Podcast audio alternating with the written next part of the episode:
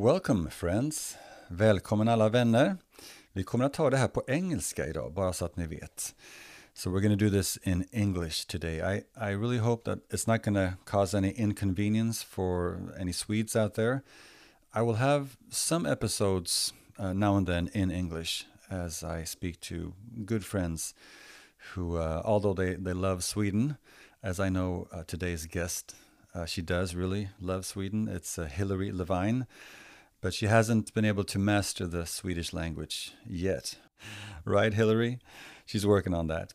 But uh, Hilary is uh, a wonderful, good friend living in California, in Fresno, California. And she's been a friend since, well, since I was a young adult. And uh, she's an important part of, of my life. So, in the beginning of this episode, we just chit chat a little bit about good old times and about yeah memories that we've had and and uh, and rock groups that we enjoyed from the 80s a journey of course which is the number one rock group right? Everyone agrees. But one of the reasons that i wanted to have hilary join us today is that she is uh, she's jewish and she um, she has a really interesting story. Not only is she ingrained and, and deeply a part of the Jewish culture and, and uh, lifestyle. And uh, we talk about some of the advantages and perhaps disadvantages of, of Judaism and just what her religion and, and the values that follow, what, what they mean to her. Uh, another reason I want to talk to Hilary is because she, she's a teacher, but she, she taught for many years and then she had a deep desire to to further her education, and she she took a master's in Holocaust and genocide studies, and today she actually teaches teachers and gives lectures about the Holocaust. And what she has to say is super interesting. So we're going to talk about her work and what that means. Um, some important questions are, you know, what what do we do to not forget the Holocaust? How can we help people, and especially young people, the, the Gen Z generation, how to understand the importance of this. And one question that, that naturally follows is, of course, why is it important that we don't forget the Holocaust? And we also talk about her love for genealogy, in particular as it pertains to Ukraine, where she has a lot of her ancestors. And of course, we talk about the situation in Ukraine, what she thinks will happen now, and, and just the, the awful situation there. Anyway, I am really pleased to uh, present to you uh, a woman who is a good friend, a loyal friend, someone who's always there, and a woman of deep but also common sense knowledge. Today we celebrate Hilary Levine.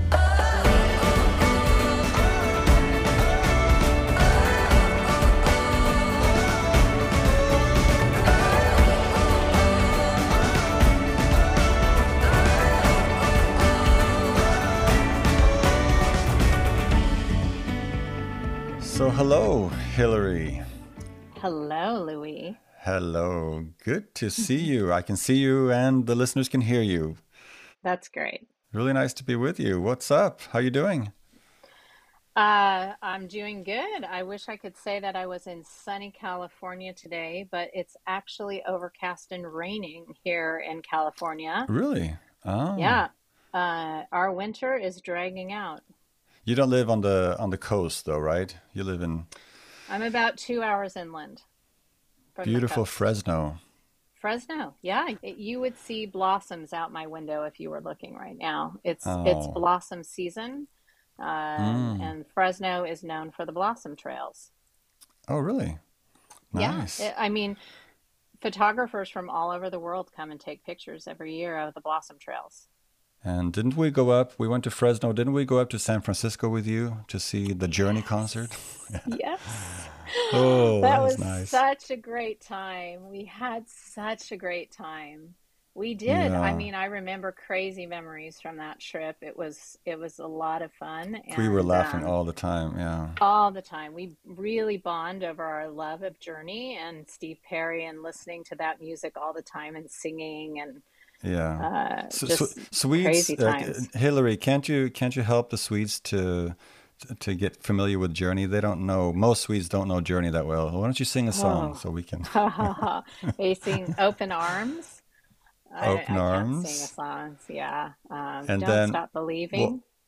Yeah, that's the one most people know. Don't stop Don't stop believing.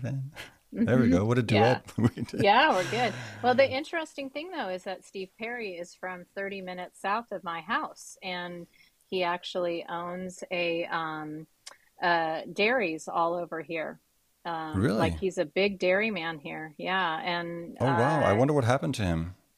he is he's made a new album. You don't know he he You're made a new album two years ago, and Oh. uh, and um, he cut all his hair off, kind of like Ooh. you, and um, He must look really nice.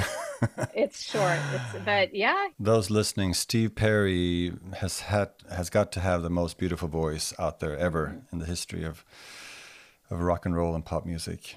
Yeah. So yeah. Yeah, Oh, magical. Sherrie, that's another great song. Oh Sherrie, Sherrie, I love I love, hold on. Yeah, love it. Yeah. Okay, I never thought I'd be singing with Louis Hooray. Yeah. yeah, but we don't do Steve Perry justice. But anyway, No. yeah. So Hilary, Hilary, for everyone out there, Hilary is a really, really good friend, one of my best friends, and we've been talking for a while about um, having her on the pod, uh, the the the spiritual pod. Or can can you say andlighetspodden? No, because that means that you're good looking. You're No, no, supposed no, to no. say it to me. No? No, that was the other thing I taught you. That was oh, no. the other thing. I just know how to say Jag heta Hilary. Du heter Hilary. No, you're supposed to say. Uh, so you're supposed to say. Uh, du är jättesnygg. No, no, I'm not saying Repeat after. Repeat after me. Du är it. Du är jättesnygg. Jättesnygg. Oh, thank you very much. Ha, See, I knew. Yeah. You're Now you're you're very good looking. Yeah, there we go. Yeah, yeah.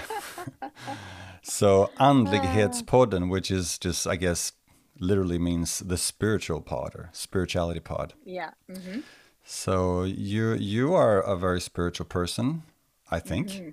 What do you think? Uh, I think that as I've gotten older, um, which for everybody, just Louis is just 11 months older than I am.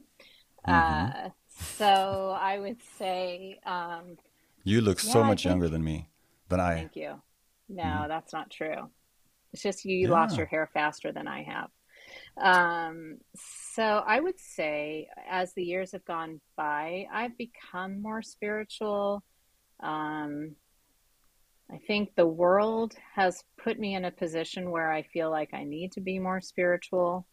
I don't know how to explain Mhm. that exactly, but I feel, um, you know, Anything particular that's happened that made you feel that way?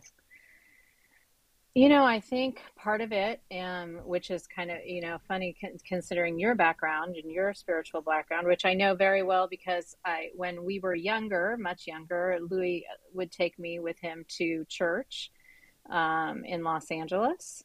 Uh, so that, you know, I learned a lot about the Mormon faith through Louis and other But you friends. dated a Mormon, didn't? Didn't you date a Mormon? kind of date a Mormon. I mean, you know, you don't have to always throw that in my face. So, uh, was, yeah.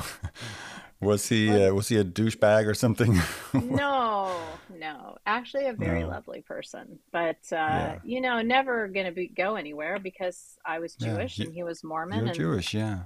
yeah, and so, but I I would say that um, you know, I think like you go through that time when you're younger where you're kind of um, struggle with your faith maybe a little bit. Um, Mhm. and what is it all supposed to mean? And why am I doing what I'm doing? And growing up in Central Valley, I was one of the only Jewish people. Um, in my high school, I was the only Jewish person. In my elementary school, I was probably one of only two Jewish people. Uh, we had a really small Jewish community. I did have a bat mitzvah when I was 13 years old, uh, growing up here. great.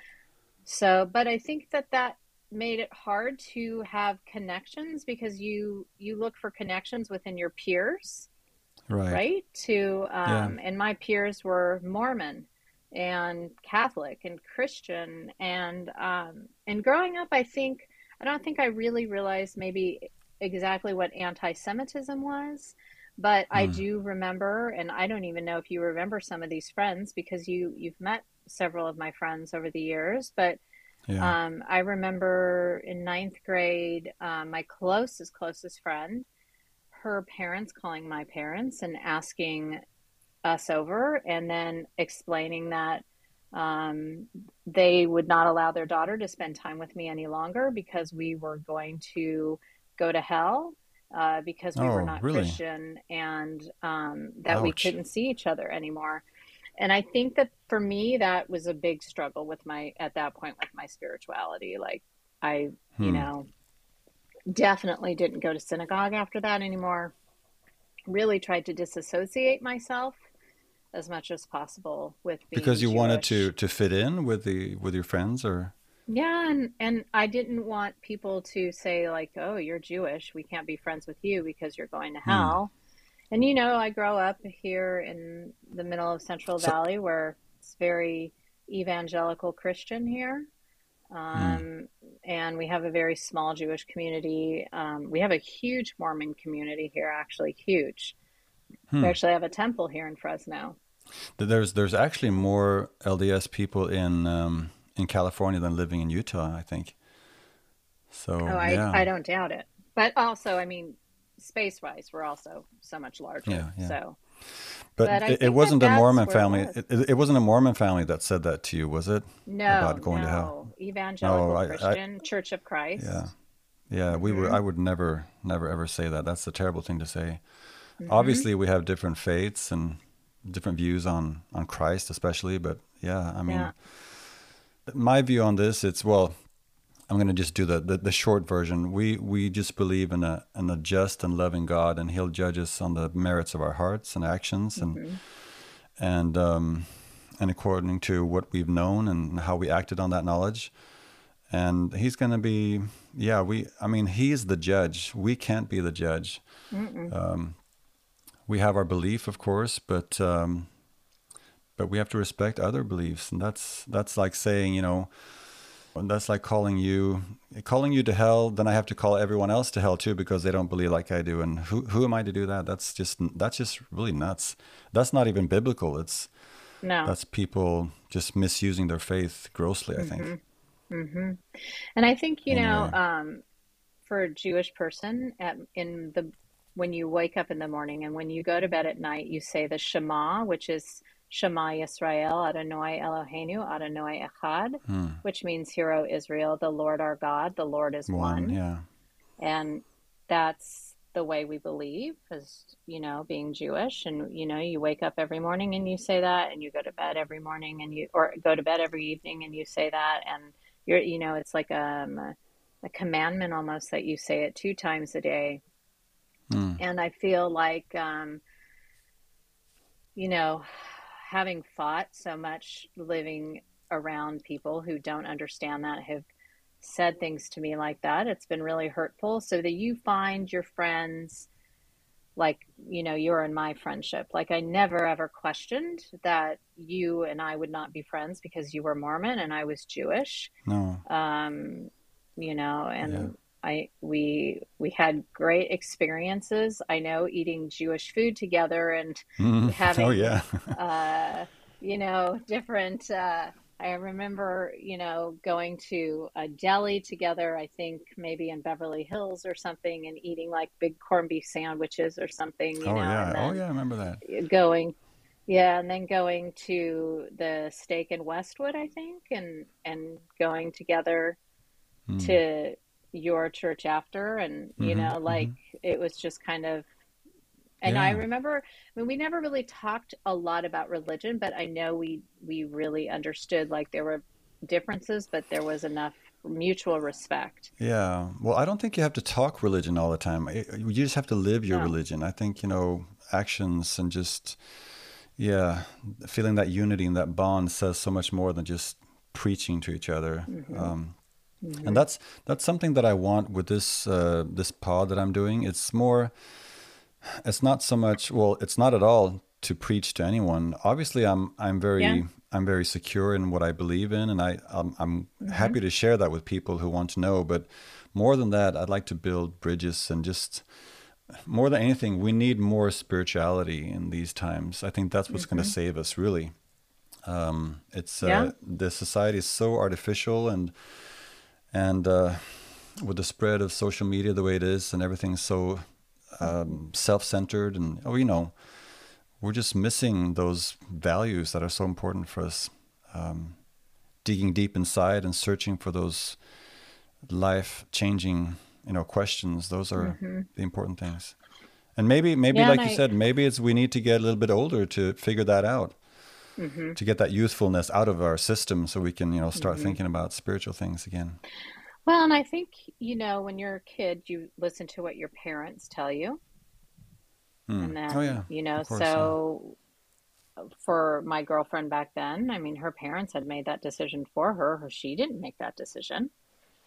And Hmm. you went, you went along with what your parents told you to do. Now, you know, I, obviously when we were in high school or whatnot, you know, a lot of times we ignored what our parents told us, just like our children do now. i never did Well, I mean, I know your mom and No, your yeah. father very well. Yeah. And I would never have ignored one thing that your mother said. I deeply no respect I, your I mother. no to be honest i was a pretty i was a pretty good kid You Yeah, were a very good, good. kid. Not always. I mean, I could, yeah. yeah. And so is so is Michael Pear. And then we'll Yeah, just Pat. leave, yeah, your Wha- middle brother out of that. what, what do you what do you mean maybe richard's listening to this Well, if Richard's listening to this, I mean, I can remember great times of all of us actually dancing in the middle of Beverly Boulevard in front of the Hard Rock Cafe or something, having Yeah. a really good time. oh yeah yeah he's a good guy too Yeah, I, I mean, Yeah. I'm, we've had some really, it's been fun. So, yeah yeah and now we're all order on new paths, I feel Mm. like. So hey, by the way, I was uh, I was going to tell you something. Did you know that um, that I sort of well, I did date a Jewish girl in Turkey. Did you know that? No.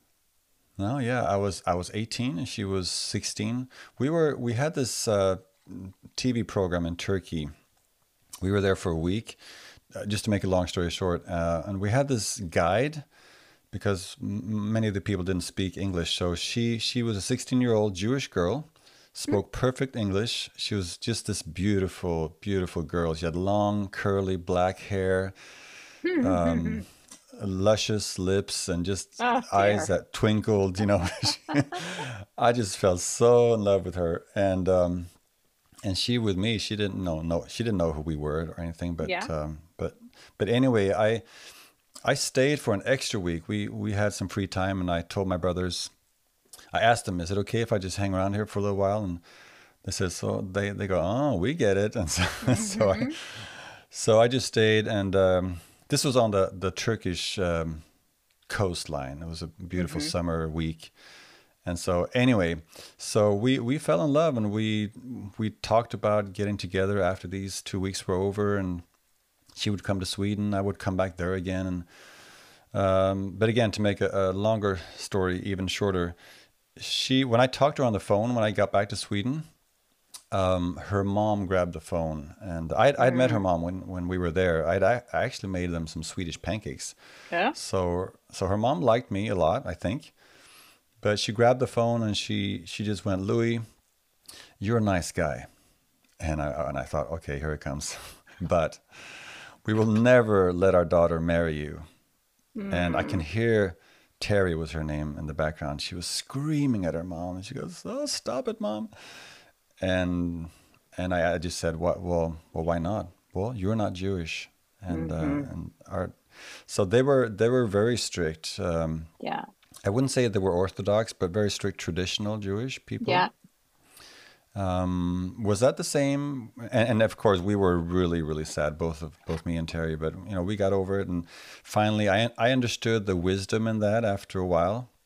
Although it was sad news at the time, and we were very heartbroken. Broke. Um, yeah, but it would have been, you know, in retrospect, and and knowing now how life turned out and who I married now, of course, I wouldn't want to change anything. yes. No. But uh, So Yeah, that I'm yeah. surprised I never knew about that. That's amazing. You you kept something Yeah. from me.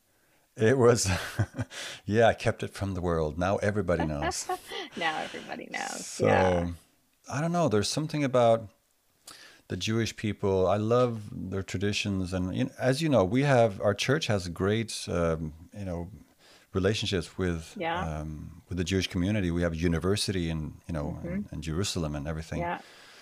And we think a lot alike. I think, except for hmm we don't believe exactly the same. But No. but but how how were you brought up? Were you brought up? Is it more traditional or is it more orthodox in your home?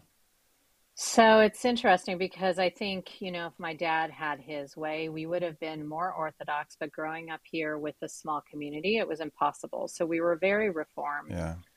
Okay. And Yeah. we, you know, it just, it, it was impossible. Uh, when we would go to Los Angeles, we would go to synagogue there. And even then, we chose generally to go to a Reform synagogue. And um, and I enjoyed going to the Reform synagogues more I don't know if you remember on Wilshire Boulevard, there were two very large synagogues, one on the corner like Yeah. of I Beverly Glen yeah. I and remember one of them. Wilshire. Yeah. And the thing that I loved the about them the most, I almost I I I have a vague recollection maybe of you coming with me to synagogue one time, but it's like kind of fuzzy, Yeah. but I did. I did. Yeah. yeah. Um, but the the singing of the prayers and the chanting and everything is what really has always drawn me into going to synagogue and um, and we rarely speak our prayers. Almost every prayer has a tune to it. And I'm a very musical Wow. person, even though Louis would say I have an awful voice, probably. No, no, no. I, no, uh, I wouldn't say that. yeah, I think so. no, no, no, Um, no. but I that's what draws me in is that kind of melodic uh you know Yeah, part I to hear you. our Yeah. um to our and and so Well, it's like this. It's like the Psalms in the Bible. That's how the old prayers yeah were were right recited through music. right Yeah. um and so and I'm not a I'm not a super traditional person I feel like um it, it you can be spiritual and not connect yourself to a synagogue. I prefer to be connected to a synagogue, um, but I don't necessarily feel like that is a necessary thing. You're Um, not limited to that space. hmm yeah, and Mm. and here in Fresno there aren't choices, so that you know, um, I'm really excited. I'm going to New York in a few weeks, and I'm going to go to the Fifth Avenue uh, Synagogue in New York City, which has one of the most amazing cantors. And he took multiple of the, you'll love this, multiple of the the prayers and um, put them all to Hamilton tunes. And so he does like, you know, all the prayers to like Hamilton tunes. And apparently, like the people who now go, it's like three times as many people because they love listening to all of this. Okay. So Yeah. I want, I haven't been. I'm really like excited to go. But for me, that's like it just pulls at me and and makes my soul just open up. I don't know how to explain it. Yeah. So let me give you a chance to, well, bes- besides those things that you've talked about now, so let, let's say you were trying to just sell your religion now. What, what can you tell Swedish people? Because most people that will listen to this aren't, well, they would probably say that they are spiritual, but not very religious. mhm. But what is what does your religion have to to offer? Why would, for for example, if someone would convert to to, Judaism, Jewism, is that how you say it, or Judaism? Judaism. Judaism, sorry, yeah, Mhm. Judaism. So, what would be an advantage of doing that? How would life become better? Oh my gosh, I don't know. How would life become better? Um, better food? No. Uh, we have some great food. Uh, it's all about the food for Jewish people, Yeah, really. yeah, yeah, Um, that's one point. yeah, I would say so. I think that there's this simplicity, and maybe this is part of why I I enjoyed going to um, the Mormon stake with you and we would, is that how you say it, right? The stake meeting. Yeah, the the the, the ward, yeah, the Yeah, the ward is a congregation, yeah. Yeah. Um, everything's very traditional. So when you go from any synagogue across the United States, I would even, I imagine, well, even when I was in Europe, um, the the the the prayers are the same. The the book that we use is the same. This the familiarity is the same, and it's and it becomes more about the congregation and the um, and then your closeness with them as well as then I think your relationship to God. And it's just a very simple relationship as far as like because it it doesn't I mean, obviously people throughout their life have different relationships with God depending on what they're going through, I think, and what time right. of, you know, um, I mean, just to use an example from what I'm currently working on, which is Holocaust education. I mean, if you would have asked people during the Holocaust what their relationship with God was and what their feelings were during that time versus, you know, maybe their feelings now, I would say there's probably a significant difference, right? But, right, um, yeah. but for me, I would say it's really just easy to be Jewish. It's not, um, I mean, even Randy, my husband, who is not mm-hmm. Jewish, was born Catholic, raised Catholic, never went to Catholic church or Catholic school because he got kicked out. But um, okay, you know, a little he bit wasn't of a, a good Catholic. There. In other yeah, words, maybe he finds it very easy to go to synagogue with me. And um, our son had a bar mitzvah, and mm-hmm. um, you know that was really Randy really was like, you know, we want to raise him in the traditions of being Jewish, and it's important. And um, he he doesn't mind going to synagogue at all. It's just it's just easy. It's just a natural uh, thing. Yeah. Yeah. It's yeah. You know what's gonna and I, I find yeah. I find your I find your religion very family oriented as well. Mm-hmm. Very much so. So you talk about the congregation, the ties in the congregation, but that extends to. Uh, well, I think the congregation is so strong because the family ties are so strong. Mm-hmm. Mm-hmm. Yeah. Yeah, we do Did a lot with children. A yeah. lot with children. So, I mean, that's very important. From the very beginning, children are consecrated at age five and get their first Torah and then mm. after that, they start Sunday school and learning about their religion and the prayers and everything so that they're ready by the time they're 13 or 12 to have a bar bat mitzvah, become, mm. take on a more important role in the religion. So.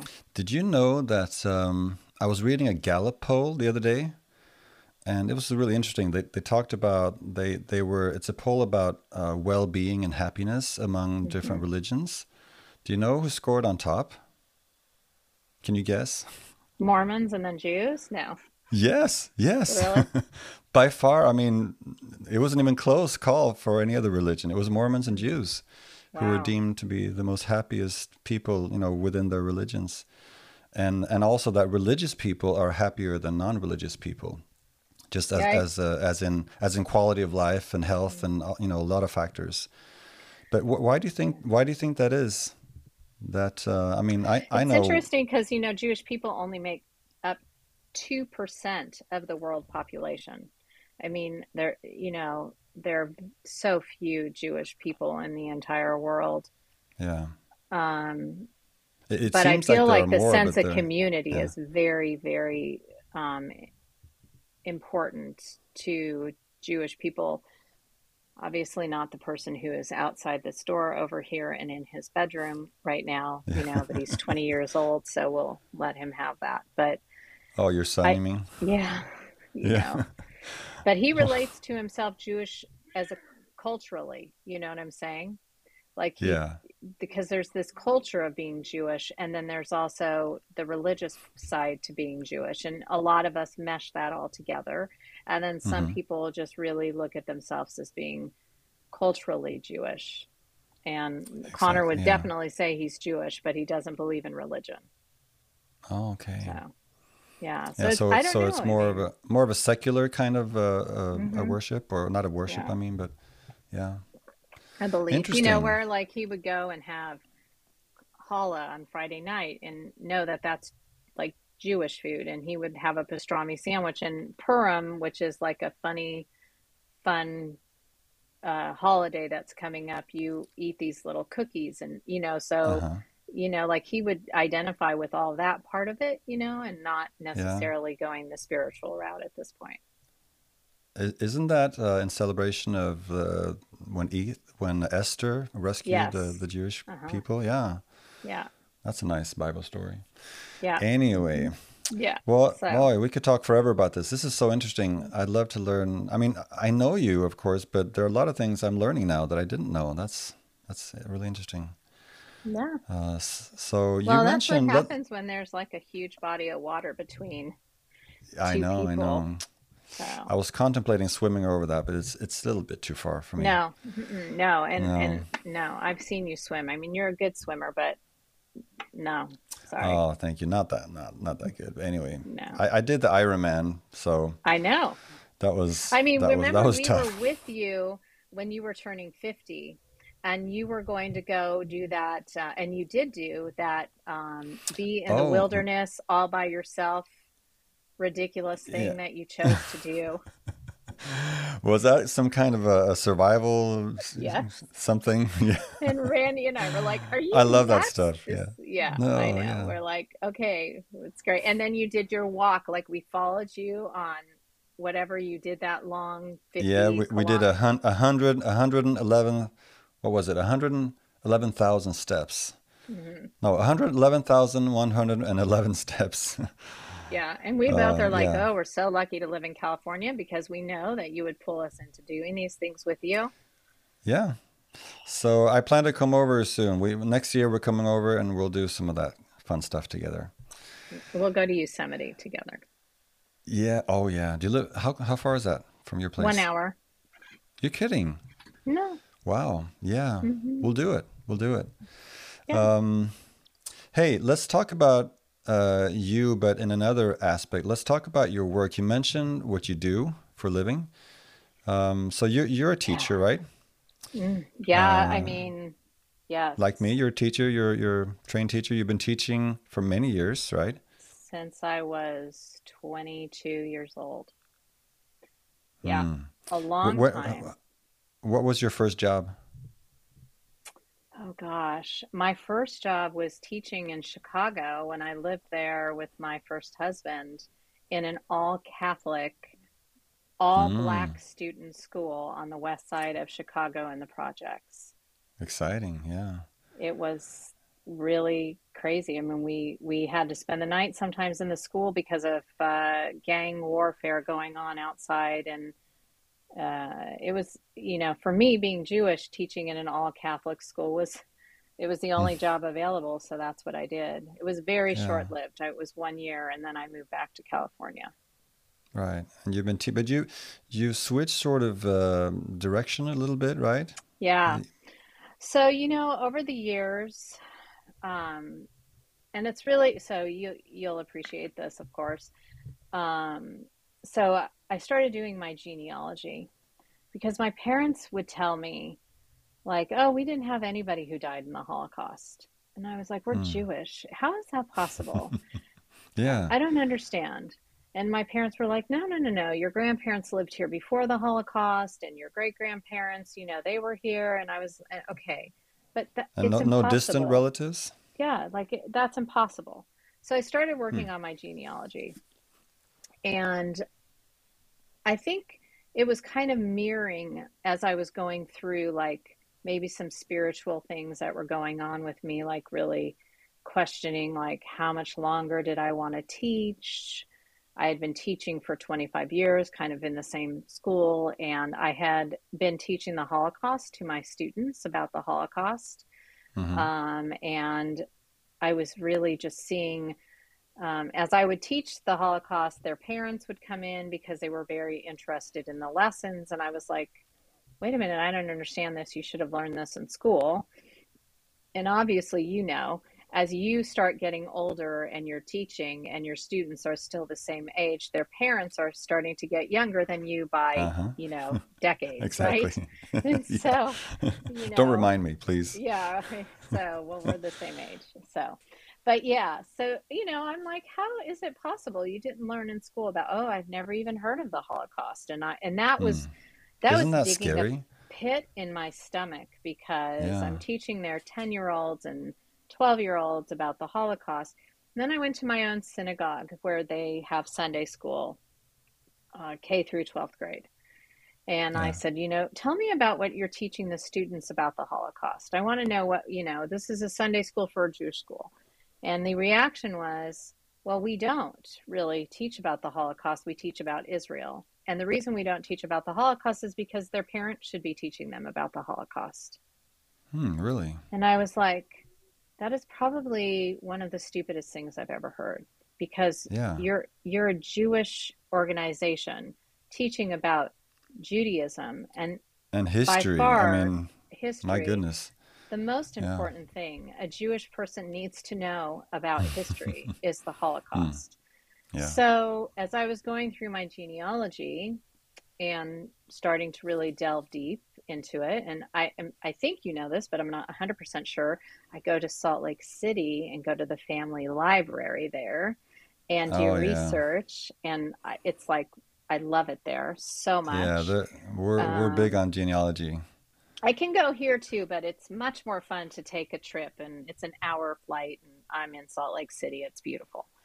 So, um, anyway, uh, I started finding relatives who had obviously been murdered in the Holocaust, and I just, you know, that realizing that, and then going to my family and saying, okay, do you not understand? Well, yeah, but they were distant relatives. Okay, but in the Jewish faith, we name our children for our relatives who have died. So you would never name your child after someone who is alive. You can only Oh, name your child after someone who has passed away. And that's how Jewish Hmm. names get passed on through the generations, right? And so, Right. you know, I f- found out like where my father's name came from, where my mother's name came from. And they had told me who I had been named for, both of whom those people were dead when they named me. But like, as I was going back through the records, I was like, oh my gosh, you know, here's this whole huge amount of information. And then, of course, delving into more and more of these relatives who, as I was going through and contacting, literally just making almost cold calls, you know, like, hmm hi, hmm I'm Hilary, and you're my third cousin, four times removed. And, you know, did you know that our relatives died? in the-" I mean, it was silly, but Yeah. that's essentially what I was doing and finding out how how were those called? How were how were those calls received? Great, really Yeah. great. Um, we've had we had one reunion right before COVID where 35 of us cousins who half of us had never met before got together and like shared stories. Then we had another um, we've had Zoom calls now with 20 and 25 from the other side of the family sharing stories and you know and and honestly sometimes that you know I don't I don't think this is the same necessarily in Mormon families as it is in Jewish families, but you know, if you look at someone sideways just one time, you don't speak to them for 30 years, you know? And that whole um that So ex- explain joke that to our Swedish audience. Look at someone sideways. What do you mean by uh, that?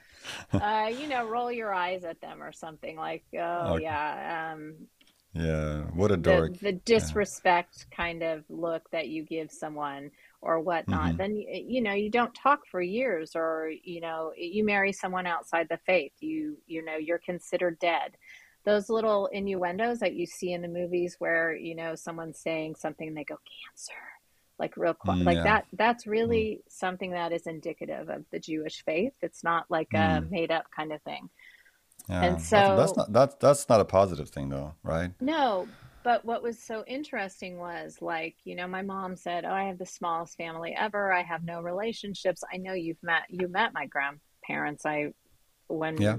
we yeah, Long time ago. Yeah. uh-huh. And um and I'm, you know, my grandmother, she only had two siblings, but her mom had 11 siblings. And Mm. you know, so like if you look out over the expanse, like my mother, just from one side of her family, has 23 first cousins, Ooh. Yeah. which is huge that's a big family. Yeah, it's a big Yeah. family. And that's only one side. So what ended up happening was we started talking and we had all these shared experiences. Mm. And a lot of them, you know, we talked a lot about the Holocaust. And anyway, so I just decided, I talked to Randy and I said, you know, I don't want to teach in school anymore as much as I want to teach people about the Holocaust and anti Semitism because I'm seeing so many things happening around me. And, um, and I, you know, people are not learning about the Holocaust. And there are wonderful, wonderful groups out there teaching about the Holocaust, but the, the outreach that what is it's just not happening the way it should be. And if a synagogue is not teaching about the Holocaust, then we're that's a problem, right? You know. Yeah. So, so I quit so, my job. So so hmm, that's that's a brave step for you to take. But yeah. how, how do you how do you practically do this? I mean, like you teach the Holocaust. So how do you do that? Mm-hmm. So I so the for the last three so t- COVID's been great for me because for two years I've sheltered in place and I got my master's degree in Holocaust and Genocide Studies.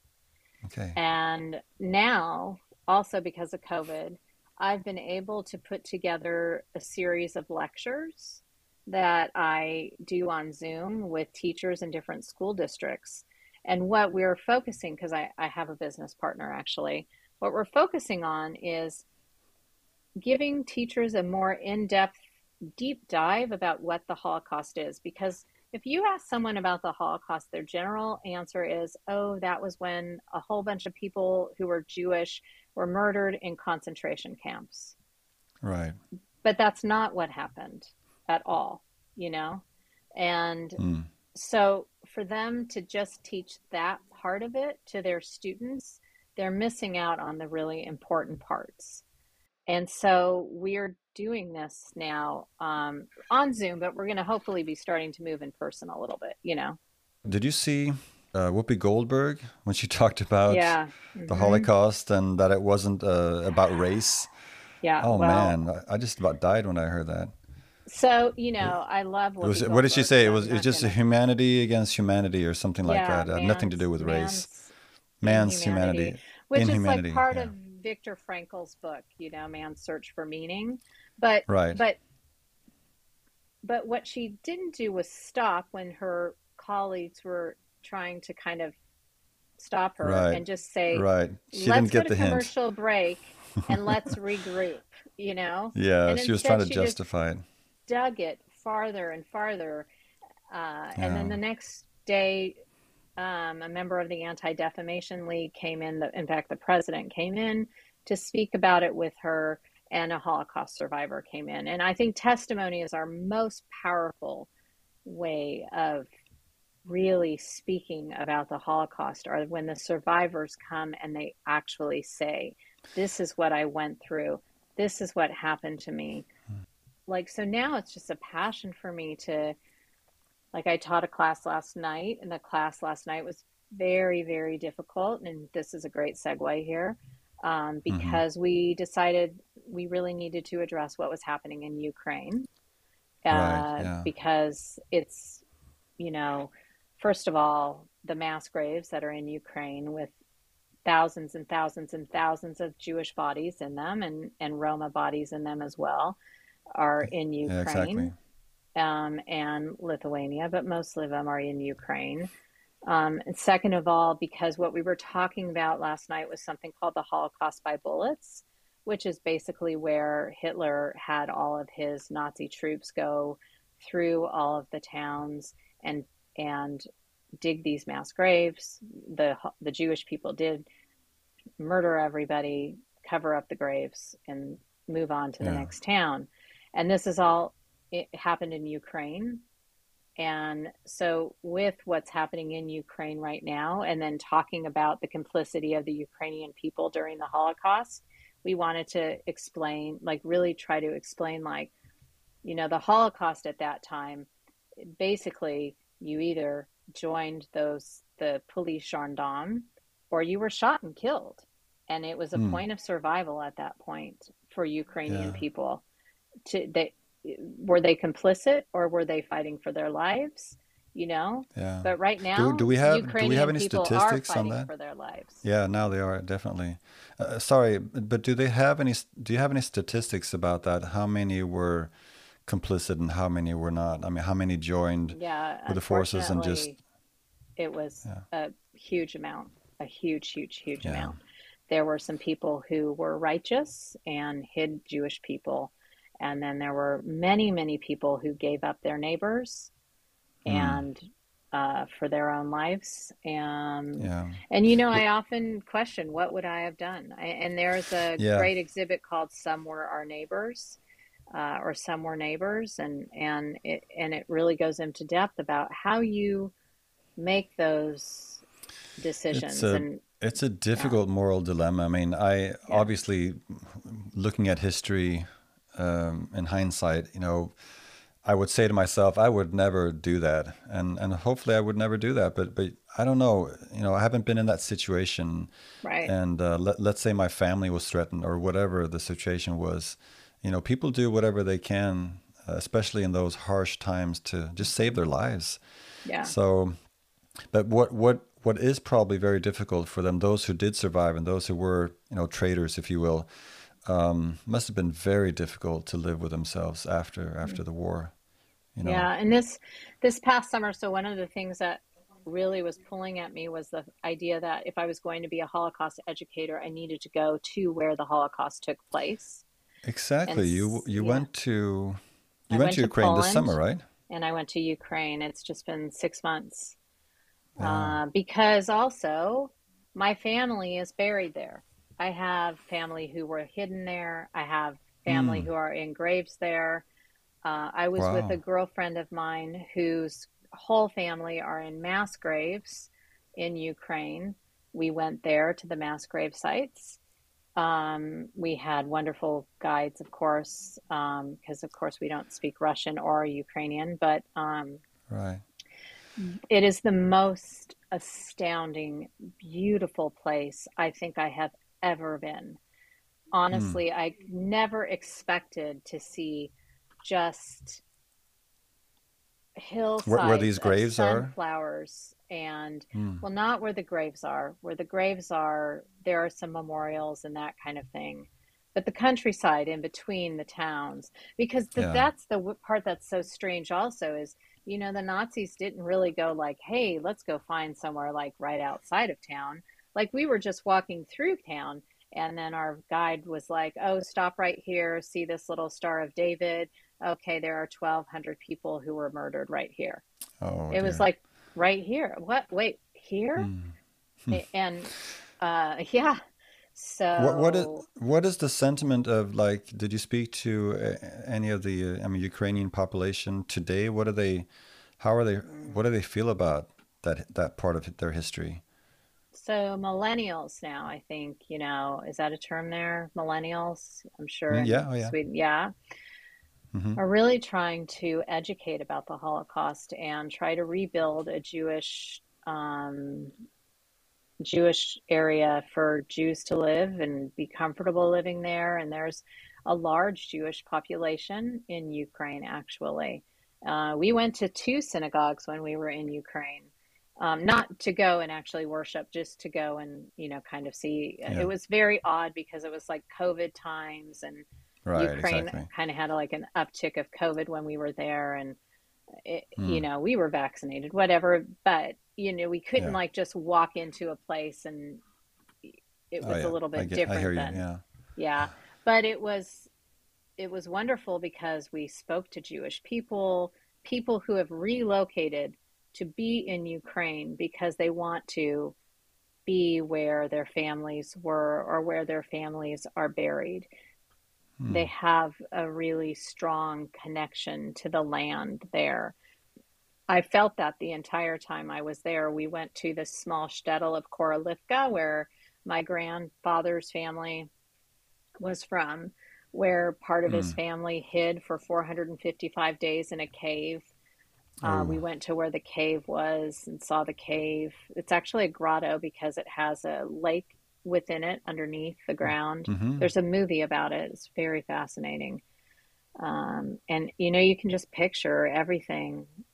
Yeah. Uh, the connection was really just really amazing. And, and the same for me with Poland as well. Like I really have strong connections to Poland as well. But but it you know now seeing what's happening in Ukraine, I it's it's like you know you Yeah. want to jump on a plane and throw your your Yeah, body know, over a know, I little child or something and you can't It's you awful. know It's awful. yeah Ho- ho- hold that thought for just a minute. I want to ju- just finish. I have a question about the Holocaust. You said something just um, like 10 minutes ago about the importance of witnesses, someone, you know, sharing their testimony about how it was, people who were there hmm and had experienced the Holocaust and, uh, and the uh, uh, atrocities there. What about, I mean, looking in the future, let's say, you know, 40, 50 years from now, not even, not even that long, soon we'll have people I mean, most most of the people have died now. They're not around yeah anymore. So hmm I'm I'm thinking we're going to have a really tough time um, just convincing young people or people in general about the uh, seriousness and um, yeah the the important meaning of not forgetting the Holocaust. Have you thought yeah about that at all? What how can we what can we do to to help people remember? so things like what I'm doing which you know all over the world there are Holocaust and Shoah foundations you know, Steven Spielberg put together the USC Shoah Foundation, um, and he's gathered over 50,000 testimony um, of Holocaust um, survivors, so you can sit and watch them. The other thing that's Yeah. just amazing that they're doing is he's put together this 3D technology where you literally can. So, like, I went with this man named Pinchas Gutter, who is he's still alive. He's 90, probably 95 years old. They hmm they went to Majdanek, which is one of the um, was one of the killing centers, and they filmed him walking through with his memories and everything. Now you can go to the museum in Toronto and you put like a virtual reality headset on Mm. and they start the video and you And literally can you can walk see with that. him Yeah. talk Yeah. to him and it's Mm. all like you you he's he is programmed to answer 3000 questions Oh, really? yeah Wow. And it's like That's astounding amazing. to do it, uh, you get a little bit um But you, you can't do this online, right? Anywhere, or do you you have to go to that can you can i'll Okay. send you the link you can do it Yeah. online too um Yeah. S- so send me the link. I'll I'll post that in the in the comment section, or yeah, in the yeah description Yeah, below. it's it's amazing what they are doing with technology. And then I'm working with a lot of other Holocaust educations to put second generation speakers together. Because one of the Mm. things that not me personally, but Holocaust scholars have found is that people who survived didn't want to talk about it for a long, long, long time. They wanted to I can understand that. get married, have children, have a life. And then all of a sudden they were like, uh, wait a talking about something and or you know, they have the tattoo on their arm or something and it comes up and then their children find out you're a survivor. How did that happen? What, you know, and then they start to tell their story, some of them, and now their children are going and telling their stories. Yeah. And so they're called 2Gs, is what Mm-hmm. we call them, second Okay. generations. And they share video of their parents talking and that kind of thing. And they go to different, like, we have a couple who are coming to speak uh, at a celebrate, well, not a Remembrance Day for the Holocaust in April. Mm. And so they are learning to tell their parents' story. But, you know, truthfully, how we're going to convince them is just through education. I mean, that it's it's why I stopped teaching and uh, That's so. I mean, that's a really. I mean, not not only brave thing to do to give up your your job like that, but just to follow your heart and to. I mean, you're doing a really important thing, yeah, Hilary. So, yeah. um, all kudos to you. But you. I got I got one final question. This is hmm a a question you hear all the time, probably, but I think it's so important to answer. Um, we talk about the importance of, of keeping this story alive, but my question is just simply why? Why is it so important to keep this story alive? Well, I mean, I think if you look through history and you see what happened, well, you know, I would hate to compare Putin to Hitler because, you know, I see it being okay. different. But Yeah, it is different. Yeah, yeah, but but um, when you are looking at these demagogues, these people who think that they, um, you know, can do anything and uh, They definitely have things in common. Let's just say that. yeah, but you look at Rwanda or you look at, um, you know, Cambodia.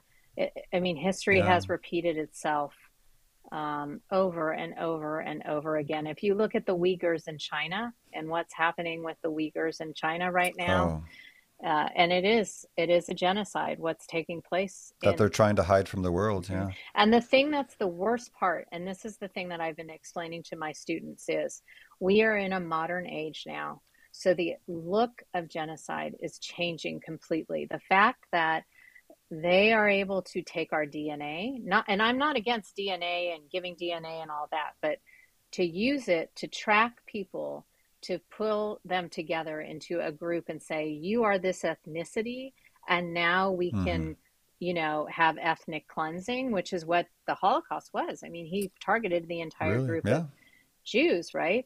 And now we can do that through dna through tracking apps on our telephones or cell phones and that kind of thing.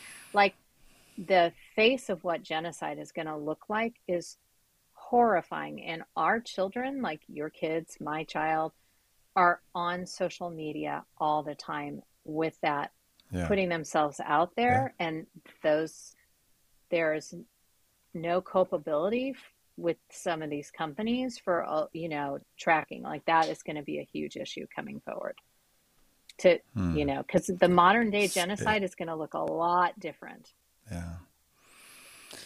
Well, racism has always been there. It's just uh, showing different ugly faces yeah and different ways of justifying its its cruelties. Yeah, it's yeah, it's scary. It's scary, but but um, but again, thanks for what you're doing, Hilary. You know, we need more people like you you. So thank thanks for you sharing those those stories.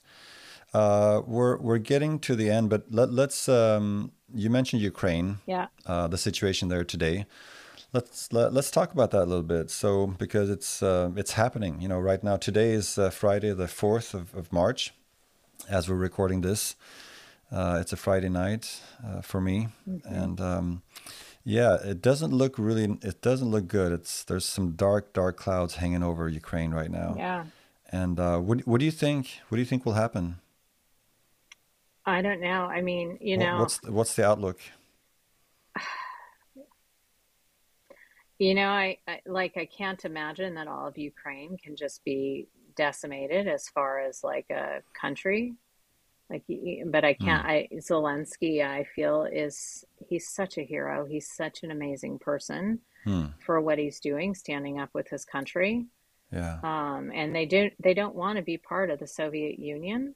No. Uh, and I, It's as it's just, I feel like a, the Western country, right? They don't want to be part of the Soviet Union. They fought for their freedom for so long, you know? And you probably experienced this also, being like in Ukraine this summer and in Poland this summer, where, you know, it was just 1994 where hmm they gained their freedom and, and Yeah. Talking w- to people who, yeah, isn't that right around the time you were there, Yeah, right? I was there right after that. We had a conference in my in my work. We had a conference. We were teaching at a big youth convention there, and that was amazing. I mean, obviously, we we know that Ukraine has had its share of problems and uh, corruption and things, Yeah. of, of course. But but having said that, when when I was there, it was really I was surprised at how much I felt at home.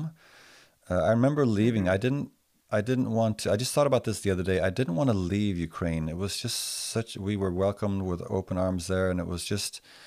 And I had been to to to Russia or the Soviet Union as it was when we were there in the eighties, Yeah.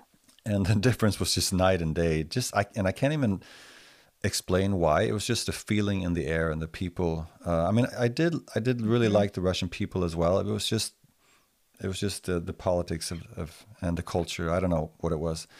But anyway, back to Ukraine. So when when I thought about when I was there and I didn't want to leave, I was I just got so teary eyed when I thought about the Ukrainian families, the mothers and the, the children now leaving and they don't want to leave.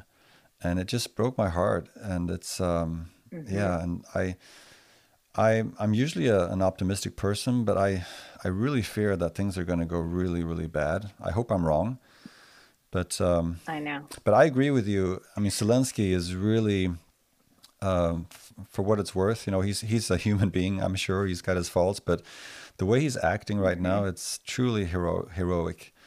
Um, Mm-hmm. he's he he could have, like any other leader, probably would have done, just you know, packed your bag full of money and you know, skedaddle out of there with his Yeah. family. But he's Yeah. he's staying, and his family, his wife is there by his side.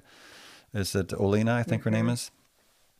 Yeah, and I, I think they sent their children away though. Yeah, If yeah, I I, think so too. yeah, Yeah. but I'm because they have two or three young children, you know, and he's he's uh he's Jewish. He is Jewish.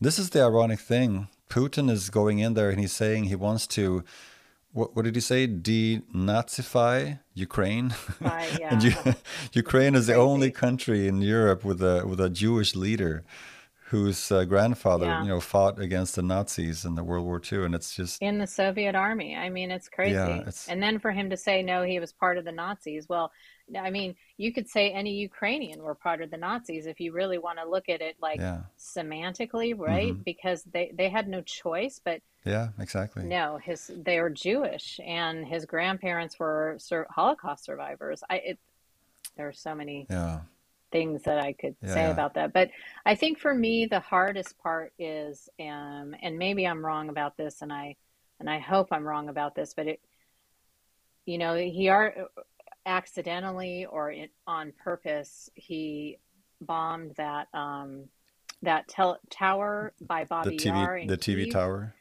Yeah, the TV tower that knocked over part of the memorial. And I was explaining in the class that I taught last night, and I showed the photograph of the ravine. And the ravine is huge, it's not small. Right.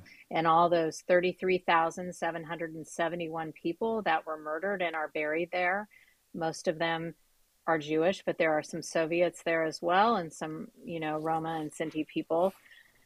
He only just blew up a statue, whether it was on purpose or accidentally. Hmm. But I do really feel that if he blows up any of those mass graves of where all these Jewish people are, you know, at rest, the entire look of this thing is going to change significantly. Hmm. I, I don't think that Western countries will allow that to happen. But that's weird, though. I what you just said now that has not been on the Swedish news at all. We, we, I didn't know that.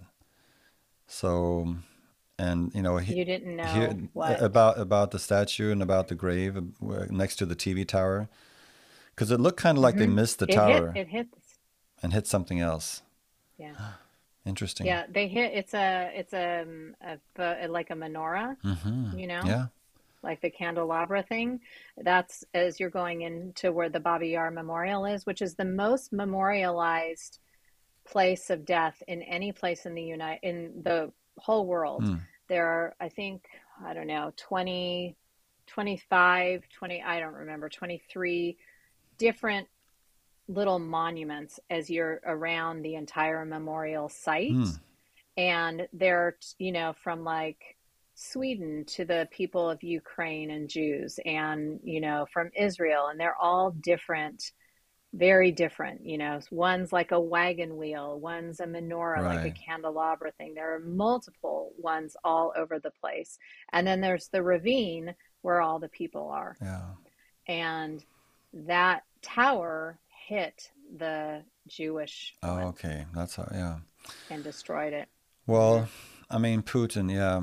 Um, he's just a liar. That's all I can say. He's he's he's an evil liar. I I sort of understand him. hmm I mean, um, it would kind of like be, you know, let, let's say if you, if you turn the, the cards around, let's say that that Russia were, was in alliance with, with Canada and, and, and you'd have Russian like troops on the border from Canada to United States. The US would never accept that, of course. So I sort of see right his reasoning a little bit that if NATO would come in Ukraine and that would border Russia and that would be a safety problem. But the thing is, uh, you know, NATO has never been a threat uh, ever since the Cold War, um, and he and he knows Mm-mm. that. He's just using this as an excuse to go in and hmm under the pretense that he's that he's sort of you know uh, rescuing Ukraine from the evil powers of the Mm-hmm. West. So, yeah, and he's just lying about everything. And uh, you know what's you know what I feel well, sad about? communism is yeah, terrible. yeah. I mean, The people. yeah, we can talk for hours about that. But what I think is really sad, Yeah. I mean, I suffer really with the Ukrainian people, uh, obviously, but but also I, I feel sorry for the Russians. I mean, I, I know a lot of Russians and they don't want this. Mm-hmm. You know, they must be so embarrassed by their president. Um, Mm-hmm. And the best thing is just if someone And he's not a president; he's a He, yeah, that's right. I'm sorry. You're correct. He's a Mm-hmm. despot, uh, dictator, for Yeah. sure. Well, uh, our prayers are with um, President Zelensky and the Ukrainian people. Really, they're Yeah, they're heroic. sure. Did you see that? By the way, I mean, we see some wonderful footages of, of people doing heroic things. Everything from Molotov cocktails to you know the older women they're sewing um, um, camouflage blankets you know for the tanks and everything. But did you did you see that um, there was a thing on twitter? There was a farmer who just drove up with his tractor and he hooked up a, a, a russian tank and he towed it away and then the russian soldiers like running behind he's like stop i just love the spirit of that how they're yeah It's yeah, it's so interesting because the one thing that we notice being in Ukraine is that there's evidence of the Cold War everywhere still. hmm Like, for example, there are tanks just left on the side of the road still, Russian tanks. from from back then uh, in front of the, yeah, Wow. mhm. It's crazy. There's in front of the medical school in this one um, fairly large town. Uh, there's a huge statue of Stalin, huge Hmm. statue, like 25 foot tall statue of Stalin. Hmm. Really strange. So you you feel that little bit, you know, and the one of the people who I spoke with um, said, you know, we always know that Russia is there. Like we Yeah. have drills and Well, a lot of Russians you live there as well. Right. A lot of Russians live there and they all speak Russian. Mm-hmm. yeah. You know, I mean, almost everyone speaks Russian there.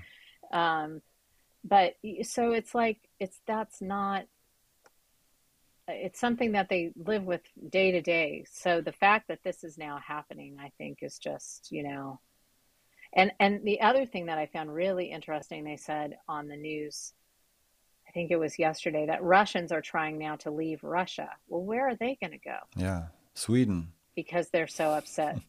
Is that where they're going? I don't know. Did you hear? No. Did Did you hear? Well, not yet. I don't know. Maybe. Did you hear the one of the was it the UN secretary? No, one of the UN people stood up. I think I think it was yesterday, and she said that um, that Russia has plans to um, invade Finland and Sweden. So we we had four MiGs flying over Gotland in Sweden, uh, or close to the other day. That's where your parents live, right? Yeah, yeah.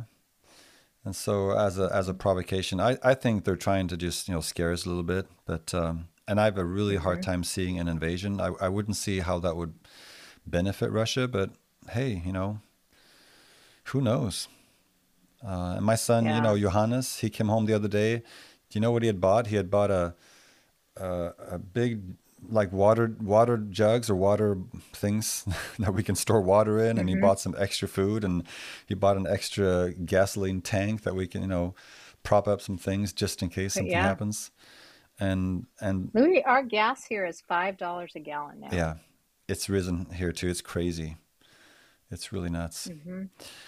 anyway well let's let's try to let's how do we end on how do we end this today? Let's end on a happy note so what Hmm, um Happy note. What would you like to, to tell our our Swedish listeners? What what can you what do you want to tell them? Say say something nice about Sweden or or I love Sweden, Yeah. actually. Yeah, I, I got to. Okay, here's one Okay. thing that I could say. When I was in Sweden in 2016 visiting Louis with my family, I got to carry the famous golden shoes ooh from Louise in in Kungsbacka, Uh-huh. right? yeah to uh, Stockholm to put in the uh, museum where the ABBA exhibit, where the ABBA museum, because it's because the Herreys are there, Yeah. Yeah. And so, and then I was told that they were insured for some obscene amount of money. Yeah. And I was like, oh my gosh, I can't believe I'm carrying these ridiculous shoes. Yeah, my my they're not ridiculous. Come on. My Okay, my well, wife's uh, sort of my told I told my wife they're insured for a hundred thousand crowns. What is that? Ten thousand dollars or something euros. Uh-huh. And um, in case like if the museum burns down or something. And you know what she said? Yeah. I hope the museum burns down. So you can take a good vacation. what what an awful thing to say. Yeah. But anyway, Oh but you know what? You know what uh-huh. happened? I got I got shoes back, but they weren't my shoes. I got the go I got golden shoes back, but they were Richard's pair, and he has my pair. Yeah, so Oh, that's funny. Yeah, Yeah. so I have to switch The that with other him. thing that was really, this is another funny memory, is that, you know, being here in the United States, knowing you guys for so long, I never really thought about you as being like famous at all. Yeah, Um, even when I was there, we're so just I normal was there the first time in 1991, uh, and then the second time in 2016. So in 1991, when I went, and we were obviously way cuter back then and younger and really Yeah, of agile. course, of I remember us walking. We were I somewhere in Gothenburg. You had your little apartment there, and I stayed with you. And we were walking down some street, and somebody recognized you, and you like grabbed my arm, and you were like, "Quick, we have to run!" And I was like, "Why are we running?" And there were like I don't remember that. like running after you, and I was Oh, like, "Why are you sure we you're not making this up? I have no memory No, of this. I'm not. I'm not making this Oh up. dear. And I was like, this is the funniest thing. Oh, really? You are kind of popular. So, but but the, but I the next time you were here, a couple like five years ago, it wasn't like nobody even recognizes you anymore. But That's right. they do recognize Richard. Yeah, they do. Yeah, that's right. Yeah. He's hmm he's Yeah, more on uh, he's he's uh, he's on radio and he's, he's doing Yeah. politics now and he's done a lot of Yeah. game shows Yeah. and stuff. Yeah. Yeah. Uh, But but but no, no. but it is it is funny. Let me just tell you. Just the other day, uh, two people, you know, they came out to me and they say, "Do I know you? You look really familiar." and and so and I just had and and my daughter was with me. She had a good laugh at that, and I didn't say anything. Yeah. But uh, but so pe- people they they see something they see something in me, but they can't really put their finger on it. So hmm maybe my cuteness is gone. That's that's probably it, or the hair, something. no. Yeah, That's the hair. Yeah. yeah, But no, I mean, those are kind of that. That was really funny. I remember that going like, and then being like, oh, yeah, okay. Because we, you know, we had only been in Los Angeles together all the time and yeah, yeah, hanging out, and, you know, nobody yeah. recognized you there. So Hilary, I, I just I just had an idea. When you come to Sweden next time, I'm gonna set up mm, uh, a nice this little summer. venue.